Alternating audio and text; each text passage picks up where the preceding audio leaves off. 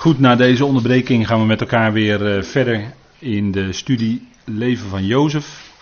En we zijn gebleven bij het zesde punt alweer van de beelden en typen in Jozefs leven. En we zullen nog wel een aantal punten en dan is het nog zeker niet uitgeput, maar dan hebben we wel een aantal hoofdlijntjes te pakken. En het zesde punt is, en ik heb dat wel in wat uh, korte bewoordingen uitgeschreven op de dia's. Dus u kunt dat rustig allemaal zelf ook nakijken. Door de vrouw van Potifar werd hij in de gevangenis, kwam Jozef in de gevangenis terecht. Die geschiedenis hebben we met elkaar besproken. En daarin uh, zien we ook een beeld van de leiders. Dat staat voor het ontrouwe Israël. Het ongelovige ontrouwe Israël werd de Heer eh, veroordeeld en kwam hij ook in, zelfs letterlijk even in gevangenis en later ook aan het kruis terecht. Hè? Dus die vrouw van Potifar is daarin een type van het ontrouwe Israël wat eh, de Heer eh, eigenlijk uitstoten. En daarin zien we ook dat die geschiedenis eigenlijk zo, dat je die op elkaar kunt eh, leggen. Hè. Maar dat is denk ik wel een bekende lijn. En Jozef kwam in de gevangenis terecht. En in de gevangenis ben je in zekere zin verborgen voor de wereld.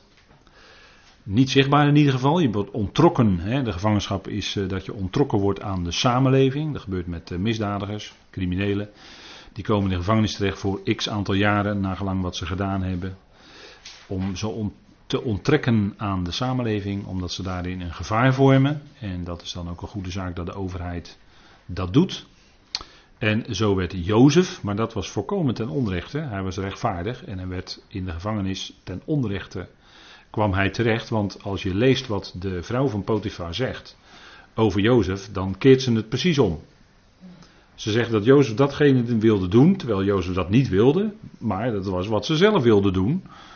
En ze draait de zaak precies om. Daarin zie je eigenlijk ook, de, dat is wat ook de tegenstander doet, hè? die draait alles om. En zo kwam de Heer ook zelf, hè? Jozef een type van de Heer. De Heer werd ook ten onrechte beschuldigd. De Heer werd vals beschuldigd, net als Jozef vals beschuldigd werd. En door die valse beschuldiging van getuigen die zeiden dat hij uh, iets had gezegd wat hij zo niet gezegd en zeker niet bedoeld had. En daar, op grond daarvan kwam de Heer in gevangenschap en is hij gedood, hij is opgestaan en hij is eigenlijk betrekkelijk snel, na 40 dagen, is hij opgevaren naar de hemel en is ook verborgen. En ook verhoogd, want Jozef werd ook in de gevangenis, terwijl hij verborgen is, ontrokken aan de wereld. Net zoals de Heer nu ontrokken is aan de wereld en verborgen is, is de Heer ook verhoogd. Hè?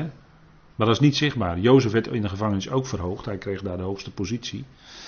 En zo kon hij ook de, kwam hij ook in aanraking met de bakker en de schenker. En kon hij een dromen verklaren. Dat was natuurlijk ook Gods plan.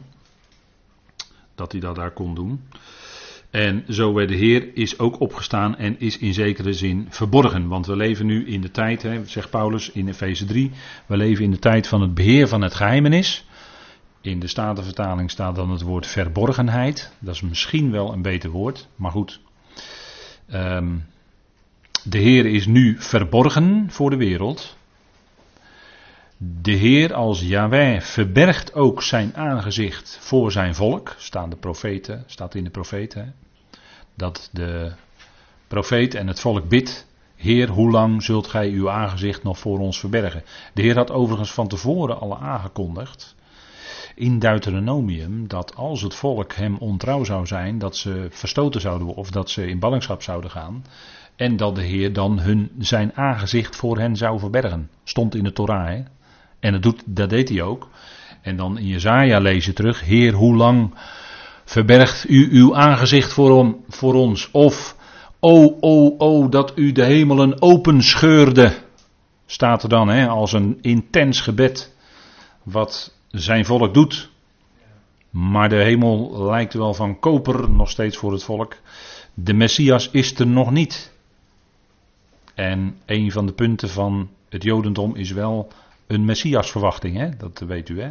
Een van de punten van het Jodendom is de Messiasverwachting. Ze verwachten de Messias. En uh, vandaag las ik nog dat een oude Joodse wijsgeer, Maimonides, daarvan ooit heeft gezegd van we verwachten de Heer, de Messias, de Messias verwachten wij elke dag.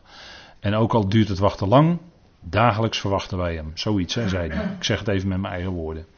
Dus daarin wilde hij ook die, die Messias verwachting binnen het Jodendom wilde hij daarmee ook levend houden. Nou, de Heer opgestaan, hij is verborgen nu, hij is verhoogd aan de rechterhand van de Vader. Wij weten dat, voor ons is dat geen geheimenis meer. Maar voor de wereld en voor zijn volk is dat verborgen nog steeds. We leven nog steeds wat dat betreft in de tijd van de verborgenheid. De verborgenheid, oftewel het beheer van het geheimenis. Zoals Paulus dat in Efeze 3 noemt. Hè? Dus dat is ook een overeenkomst. Jozef was ook zekere tijd verborgen. En hij komt, er gaat iets veranderen na twee dagen van jaren, staat er, dat is Genesis 41. Laten we het even met elkaar opzoeken. Genesis 41. Dat is een lang hoofdstuk. En dan heeft Jozef inmiddels in de gevangenis de dromen van de schenker en de bakker verklaard. En hij heeft dan gesproken over na drie dagen zul je weer verhoogd, het, zal het hoofd van de bakker verhoogd worden. En dat was heel letterlijk, want uh, zijn hoofd werd gespiest, om het zo maar te zeggen. En de schenker werd weer in ere hersteld. Maar dan staat er in Genesis 40, vers 23. Het hoofd van de schenkers dacht echter niet meer aan Jozef, maar hij vergat hem. En dat is wat met Jozef vaak gebeurt, die wordt vergeten. En dan staat er, en het gebeurde na verloop van twee volle jaren, of twee jaren van dagen, twee jaren van dagen staat er letterlijk, dat de farao droomde en zie, hij stond aan de Nijl. En de Nijl is natuurlijk de levensader van Egypte. Maar als we hier even weer stoppen, dan zeggen we van twee dagen van jaren. Dat doet toch sterk denken aan die twee dagen. Die twee dagen van Israël. Twee dagen. En een dag is als duizend jaar. En duizend jaar is als een dag. Dus Petrus zegt het twee keer. 2000 jaar. Hosea heeft erover geprofiteerd. Hè? Hosea 6. Na twee dagen zullen jullie herleven. Of na twee dagen zal ik jullie uit jullie graven doen opkomen. Want Israël is, zeg maar, uh, beeldend gesproken, 2000 jaar lang uh, als volk zijnde, als volk, als levend volk dood geweest. Niet zichtbaar. Maar na twee dagen zijn daar de eerste ritselingen weer. Dat is dat misschien een beetje ontbotten van die vijgenbomen, hè, waar Matthäus 4, 25 over spreekt. Daar zien we nu in de huidige Joodse staat. Alleen de huidige Joodse staat, die is niet wedergeboren in de Bijbelse zin.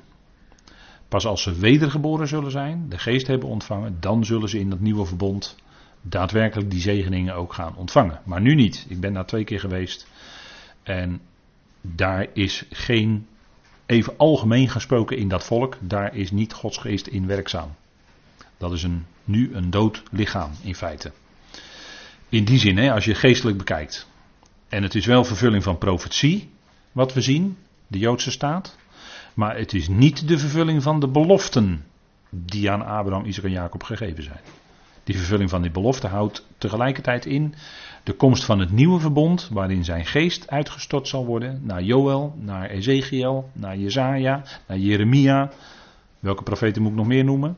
Er staat in, in de profeten staat het er vol mee. De belofte van de ontvangst van die geest, maar dat is dan als het moment van de Heer daar is. En dat is nu nog niet. Wat we nu zien is een dood lichaam waarvan de Heer Jezus zegt, daar waar het dode lichaam is, daar zullen de gieren zich verzamelen. En dat dode lichaam is dan nu de Joodse staat. En het zal tot leven komen na de grote verdrukking, als de Heer zijn geest zal geven aan het volk. En dan zullen zij weer aan de spits van de volkeren komen. Als licht voor de natieën. Maar dat is nog toekomstmuziek. Dat is nog heel even. En dan is het zover. Goed. En dan zien we een belangrijk punt in het leven van Jozef. En ook een overeenkomst in innerlijke houding. Dat is namelijk een ootmoedige houding. Jozef in zijn omstandigheden. Ik hintte er net al voor de pauze even op. Maar Jozef in zijn omstandigheden schikte zich ootmoedig. En dat woord in het dagelijks leven, als je de kranten leest, kom je dat woord niet tegen. Maar het is wel degelijk een Nederlands woord. Ootmoedig, dat betekent dat je niet. Dat is het tegenovergestelde van hoogmoedig. Iemand die hoogmoedig is, die is net als dat vliegtuig hier op die foto. Die streep, die ziet u daar. Dat wordt door een vliegtuig getrokken, zo'n streep aan de hemel. En dan. Uh, is zo'n vliegtuig hoog overal boven verheven. En iemand die hoogmoedig is, die voelt, zo, die voelt zich ook verheven boven andere mensen. Maar een ootmoedig mens, die is niet hoog, maar die is laag. En dat is ook precies wat het Griekse woord zegt. Tapeinon in het Grieks, dat betekent laag. Dat is het grondbegrip voor het woord ootmoedig. En in die gezindheid, dat wil zeggen die innerlijke houding. Gezindheid is ook een woord wat we al niet meer kennen, denk ik. Maar die innerlijke houding, in het Engels zou je kunnen zeggen die mindset, die was bij de Heer aanwezig en die gezindheid van de Heer, die wordt ons als voorbeeld voorgehouden in Filippenzen. Uitgebreid hebben we dat met elkaar besproken. En het komt in alle vier die voorbeelden naar voren, maar het sterkste bij de Heer natuurlijk, het meest volmaakte voorbeeld van gezindheid, van ootmoed, is de Heer zelf. En die gezindheid had Jozef ook. Kijk maar in het leven van Jozef, zijn houding ten opzichte van zijn broers, van zijn vader, het huis van, in het huis van Potifar. Was zijn houding ootmoedigheid. Hij wilde zich schikken naar zijn baas en hij wilde niet luisteren naar de verleiding van die vrouw. En daardoor kwam hij in de gevangenis terecht. En de Heer kwam uiteindelijk aan het kruis terecht. Hè. Het ging heel diep bij de Heer, heel diep. Dieper kon niet. De dood van het kruis. In die gezindheid hè, van ootmoedigheid. En zo ging de Heer naar dat kruis. Hè. Dat is wat hoor, dat is wat geweest. En zo was de Heer in zijn bediening ook ten opzichte van Israël, ten opzichte van de tegenstander. En wel steeds in ootmoedigheid, maar als het erop aankwam, dit staat geschreven. Dit staat geschreven, ook tegen de leiders van Israël in discussie. Dit staat geschreven. En daar hield hij het bij, bij die waarheid die hij van zijn vader hoorde. En zo was het ook bij Jozef die schikte zich in omstandigheden. Hij werd niet opstandig. En God leidde zijn leven op een hele wonderlijke manier. Dus die ootmoedige gezindheid, hè? een punt, hè? kunnen we leren uit het leven van Jozef. Ootmoedige gezindheid. Wij als gelovigen schikken ons in ootmoedigheid in dat wat de Heer ons geeft. En voor de pauze heb ik het gehad over moeilijke dingen. Verdrukkingen die we, die we allemaal ons overkomen. Lijden, wat ons allemaal overkomt. En het punt is, in ons is die innerlijke kracht aanwezig door Gods geest, dat wij ons daarin kunnen schikken. In het begin hebben we misschien heel moeilijk mee, maar het is ook een groeiproces. Dat je je steeds meer leert schikken in dat wat de Heer in jouw leven doet. En dat, uh, ja, bekend lied hè, laat hem besturen waken, u kent het wel. En de rest kunt u vannacht zingen. maar dat is een, denk ik, spreekt, zo'n lied spreekt wel van waarheden, van hoe het werkt. Laat hem besturen waken, het is wijsheid wat hij doet.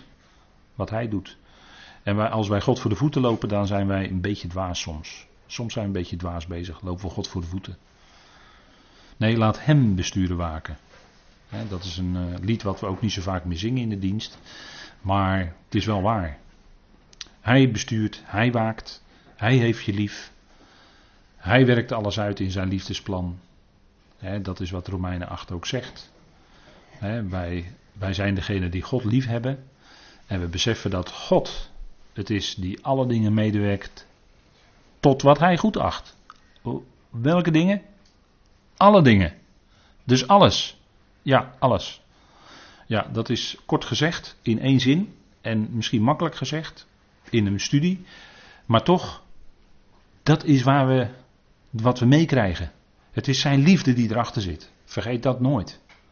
Als we het woord God uitspreken, dan hebben we het over theos, hebben we het over de plaatsen naar het Grieks. En dan, die is liefde. Hij is liefde. Dat is zijn wezen, dat is zijn hart. En van daaruit doet hij alles. En dan komt het aan het eind natuurlijk ook terecht, dan komt het goed. Natuurlijk, want hij is liefde. Hij werkt het uit tot wat goed is. Dus we moeten het, proces nooit verwarren met het einddoel. Het einddoel is dat hij God, God alles in allen. Dat is het einddoel. Dan is hij met iedereen tot zijn doel gekomen in zijn liefde. Maar het proces, het weg daar naartoe, dat is ook, dat is ook door hem. Dat is ook wat hij doet. En daar hebben wij het moeilijk mee als schepselen, omdat wij soms een beetje geneigd zijn dat einddoel met het proces te verwarren. Maar dat zouden we niet doen. Besef dat alles wat gebeurt is op weg naar. We zijn er nog niet. Het is ook dan ook tijdelijk. Paulus zegt, broeders, de tijd is kort. Klopt, is ook kort. De tijd gaat zo snel. Een week is zo voorbij, een maand is zo voorbij. Jaren zijn zo voorbij. En voor je het weet ben je oud. En heb je gebreken.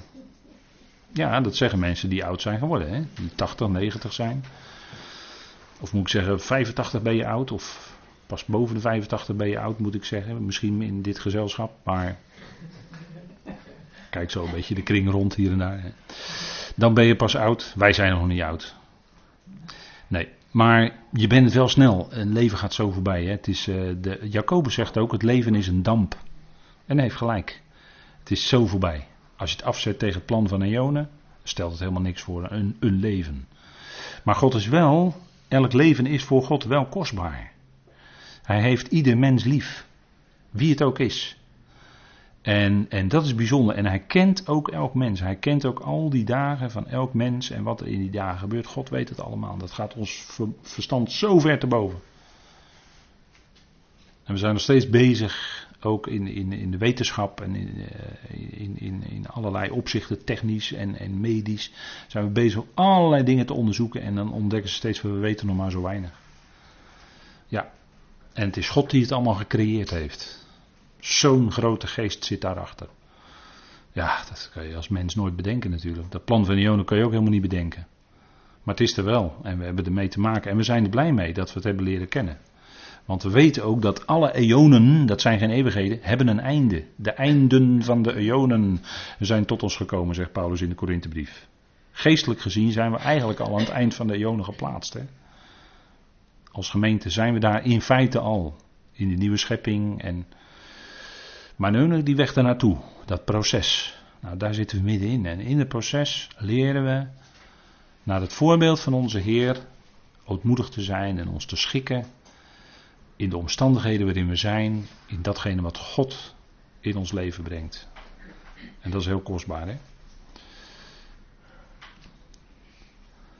Nou, Jozef, uh, ja, die, die farao die ging dromen, want Jozef kwam, via dit kwam die bij, uh, want uh, de farao had gedroomd.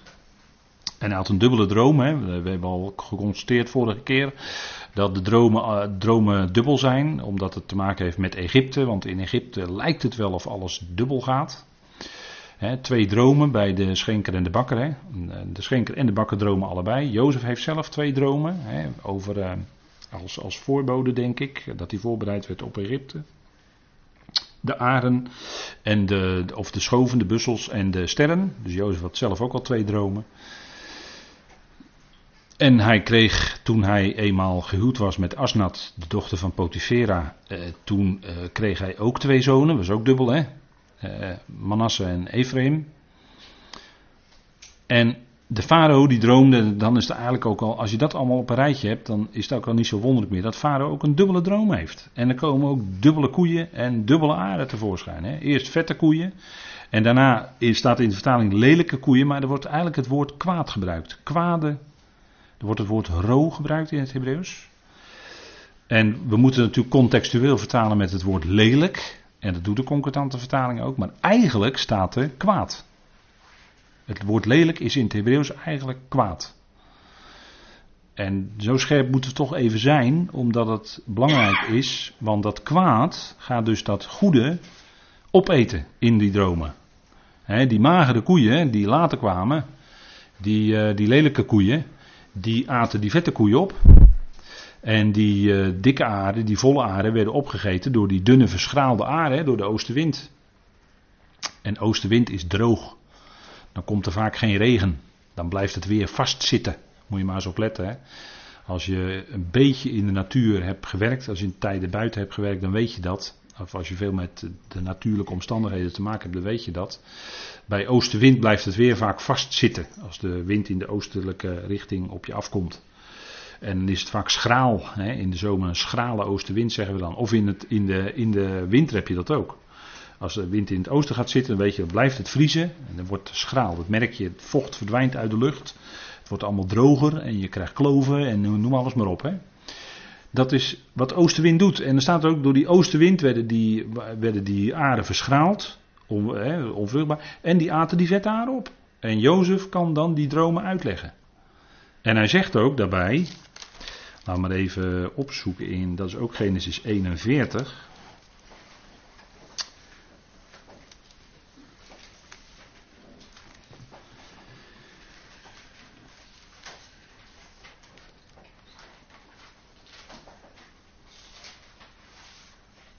En dat is eigenlijk heel mooi, want eh, hij wordt dan uit de gevangenis gehaald. In eh, vers 14, want die schenken die herinnert zich ineens Jozef. 41 vers 14. Toen stuurde de farao en liet Jozef roepen. Ze haalden hem snel uit de kerker, of uit de cisterne, hè, dat is een, eh, grote ondergrondse grot waarschijnlijk. En men schoor hem en verwisselde zijn kleren en hij kwam bij de farao. En dat verwisselen van kleren, dan moet u opletten, dat is vaak een aanduiding in beelden gesproken van de opstanding. Dan krijg je andere kleding. Wij worden straks ook overkleed, staat in 2 Korinthe 5. Met een nieuw verheerlijk lichaam, een gebouw uit God. Hè? Dat is een geweldige beeldspraak die Paulus daar gebruikt. Maar dan zegt hij voor het nieuwe verheerlijkte lichaam, zegt hij, dat wij daarmee overkleed worden. Dus er wordt ook gesproken in de zin van kleding. Dat is ons opstandingslichaam of ons heerlijkheidslichaam, zou je kunnen zeggen. En zo ook hier, hè, de kleren worden verwisseld. Dus hij krijgt andere kleren aan, beeld van opstanding. Hij komt uit de kerker, hij is niet meer onzichtbaar. En in zekere zin is dat ook opstanding uit de doden, in beeld gesproken. En dan gaat hij luisteren. En dan vertelt de farao zijn droom. En dan zegt Jozef in vers 25. Toen zei Jozef tegen de farao: De dromen van de farao zijn één. Dus het zijn twee dromen, maar het gaat eigenlijk over hetzelfde. Ze zijn één. Dus eigenlijk moet je dan ook. Het, is twee. Het zijn er twee. Maar toch zijn ze één. Dus ze zijn allebei eigenlijk de helft. Je moet het eigenlijk door midden delen. God heeft de farao bekendgemaakt, of Elohim staat er dan heeft de farao bekendgemaakt wat hij met een hoofdletter, terecht hebben de vertalers dat hier gezet, wat hij, dus wat God, gaat doen. Moet eens opletten wat Jozef hier zegt, hè? Dus hij gaat dan aankondigen, kijk die vette koeien en die dikke aren, dat zijn jaren waarin veel vruchtbaarheid is, waarin het land flink eh, zal opleveren. En Jozef geeft dan de wijze raad dat ze dan in die tijd moeten verzamelen in schuren enzovoort.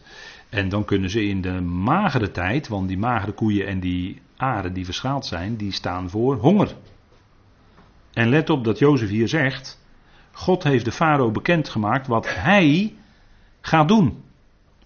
Dus wie bracht die honger over dat land? En dan komen we terug bij dat woord kwaad, bij die lelijke koeien. Daar staat het woord kwaad in de grondtekst. Het zijn kwade koeien, die lelijke. En honger is een vorm van kwaad. En Jozef zegt hier, ik verbind dat met elkaar, hè. Jozef zegt hier, hij de, eh, Elohim heeft de farao bekendgemaakt wat hij, wat Elohim gaat doen. Dus God geeft niet alleen die vruchtbare jaren, maar God geeft ook hongersnood. En dat is een moeilijke weer, hè? Dat is een moeilijke. Dat God dat doet maar als we even kijken, en dan slaan we even een stuk commentaar erbij vanuit de psalmen, psalm 105.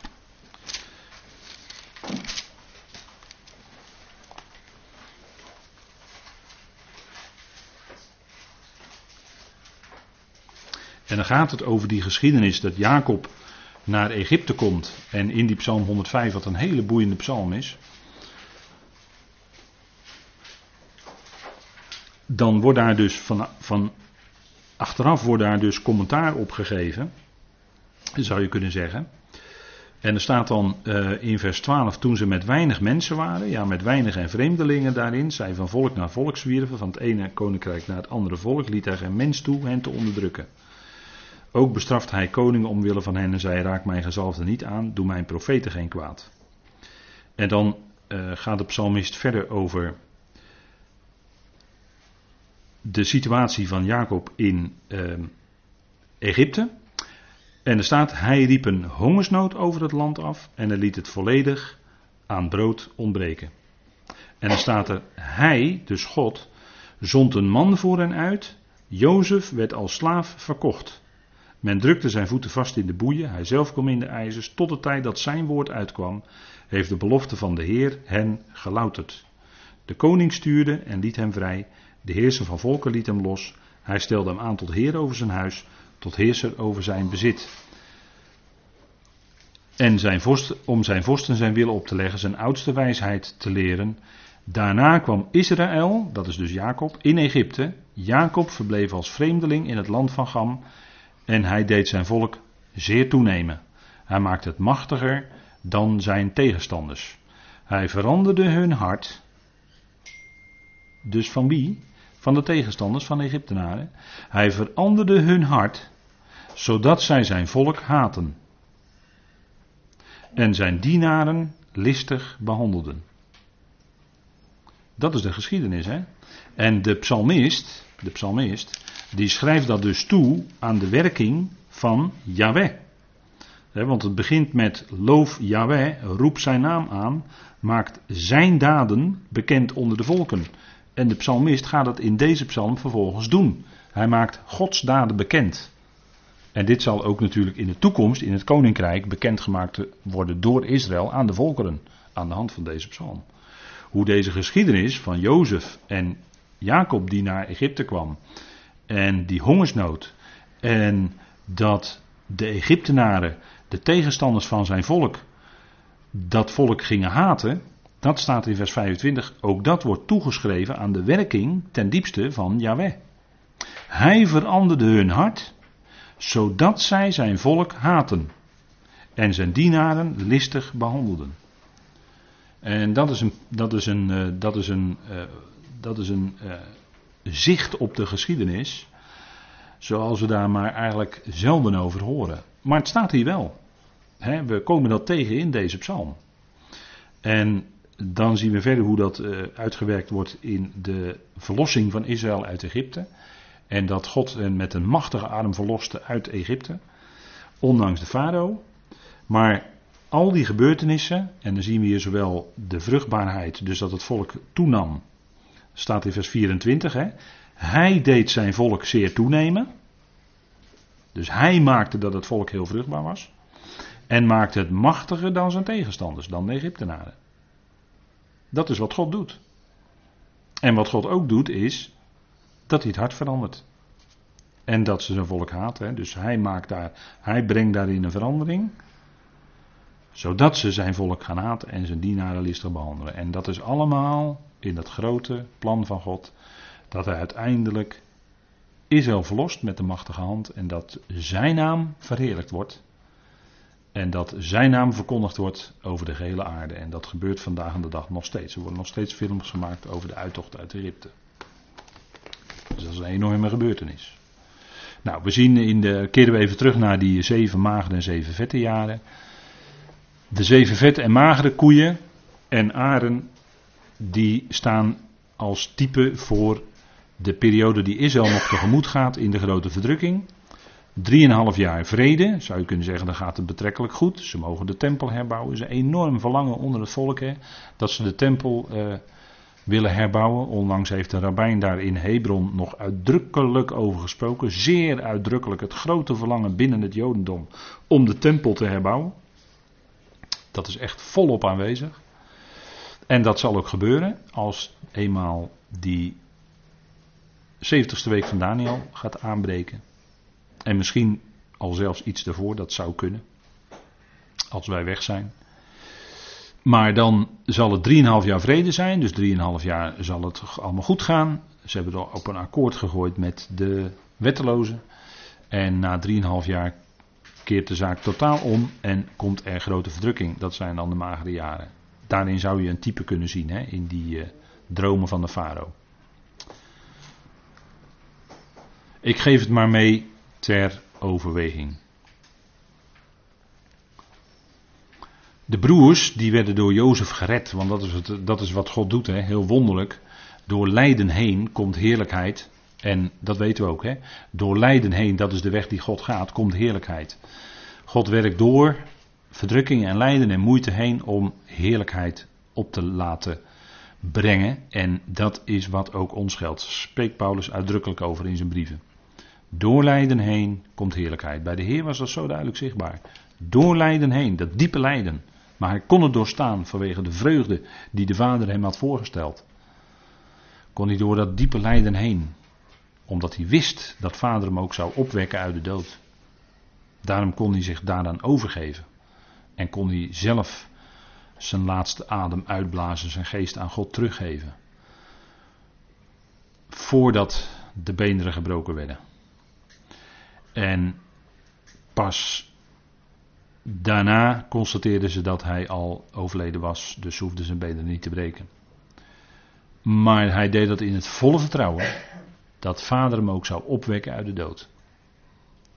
Hij is opgewekt door zijn vaders kracht. En zo kon hij redder zijn van zijn volk, want zo, dat was zijn missie. Hij kwam om zijn volk te redden van hun zonden. Zo, dat werd bij zijn geboorte al aangekondigd.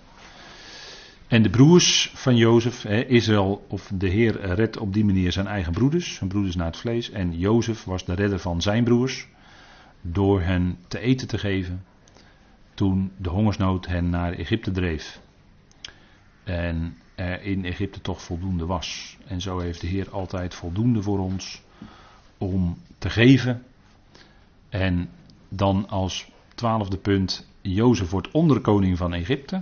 Dus hij komt zelfs op een hoge positie tot redding van de wereld. En de Heer Jezus zal ook koning van de wereld zijn.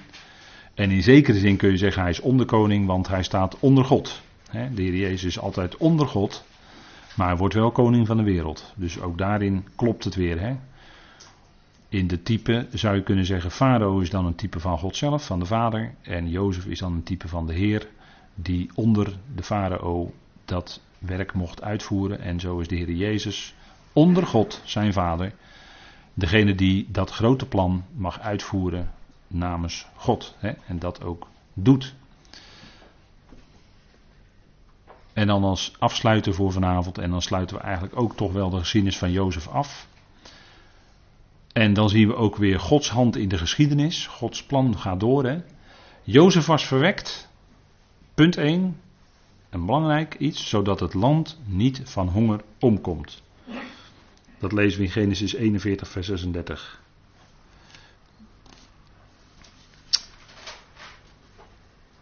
Dat zegt Jozef als wijze raad ten opzichte van de farao. Dan zal dat voedsel als voorraad dienen voor het land in de zeven jaren van honger die in het land Egypte zullen komen. Zodat het land niet van de honger omkomt. Dat was de zegen die God gaf door Jozef. De heerlijkheid die zou komen. Voldoende te eten. En dat is ook wat de Heer geeft. Hij heeft altijd voldoende om ons te eten te geven. En dan zien we ook dat kwade, dat kwade wat die broers deden. We maar even opzoeken in Genesis 50. En daar zien we eigenlijk Gods hand in het leven van Jozef. Dat ook dat kwade wat hem overkwam. Dan kun je zeggen, ja dat deden die broers. Klopt, dat deden die broers ook. Maar uiteindelijk, als we een stap hoger gaan, de hogere, als we dat hoger geestelijk gaan bekijken, dan zien we in Genesis 50, vers 20, wat Jozef zegt, die had inzicht. Jullie, jullie hebben het kwaad tegen mij bedacht, maar God heeft dat ten goede gedacht, om te doen zoals het op deze dag is, een groot volk in leven te behouden. Dus het, was, het waren ten diepste niet die broers, maar het was God die zorgde dat Jozef in Egypte kwam. En zo die broers zelf in leven hield. En zo zien we dat God dat kwade gebruikt in zijn plan om tot het goede te komen. En dat is ook zoals we het moeten zien.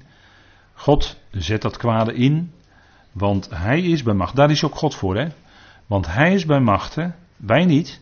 En daarom is het voor ons nooit een zaak om te zeggen: laten wij het kwade doen omdat het goede daaruit voortkomen. Dat werd lasterlijk ook al van Paulus gezegd. Dat werd Paulus lasterlijk in de mond gelegd. Staat in Romeinen 3. Maar dus dat heeft Paulus nooit gezegd. Maar God zet het kwaad in. Opdat, omdat hij God is en hij liefd is. En hij uit dat kwade en door dat kwade heen al gebruikt om tot het goede te komen. En uiteindelijk zal al het kwaad ook weggedaan worden. Zal het er nooit meer zijn, zal het ook nooit meer terugkomen. Als het zijn functie heeft gehad. En dat geldt ook voor de zonde. Het geldt ook voor de dood. Als al die zaken hun functie hebben gehad, zullen ze voor altijd verdwijnen en nooit meer terugkomen. Want als iedereen leven heeft, en dat is de belofte, en dat zal ook gebeuren. Als iedereen levend gemaakt is, ja, dan is er geen dood meer dus. Dat is dan weg. En die komt dan ook nooit meer terug. dat is de belofte die we hebben. En dat is het punt. En zo, en daar spreken we met, wel met, met, met veel. We moeten de woorden, ik bedoel, we moeten de woorden van de schrift aanhouden, van de schrift zelf. Dan heb je wijsheid. En dit zijn dingen die je zorgvuldig moet overwegen. En je moet ook kijken, wat doet God daarmee? Wat bereikt God daarmee? En we praten wel over God. Hè? We praten niet over mensen, maar we praten wel over God. En dan praten we over een hele andere orde dan wij mensen. En dat is het geweldige en dat is ook de, de troost en de bemoediging en het uitzicht wat God geeft. Dat Hij door dat alles heen het ten goede keert, het ten goede uitwerkt. En dan is het ook goed. Nou, tot zover vanavond en daarmee sluiten we ook dan het leven van Jozef af. Er zou natuurlijk veel meer nog over te zeggen zijn. Maar we gaan dan de volgende keer verder met Exodus, met het volk Israël. En de dingen die in Israël of in Exodus dan gebeuren. Dus dat is dan de volgende stap die we gaan zetten met het kijken naar Gods plan. Tot zover en ik wil graag met u afsluiten met een dankgebed. Vader, als we al deze dingen overwegen met elkaar, dan danken we u dat u ons stapje voor stapje inzicht geeft en inleidt in uw plan.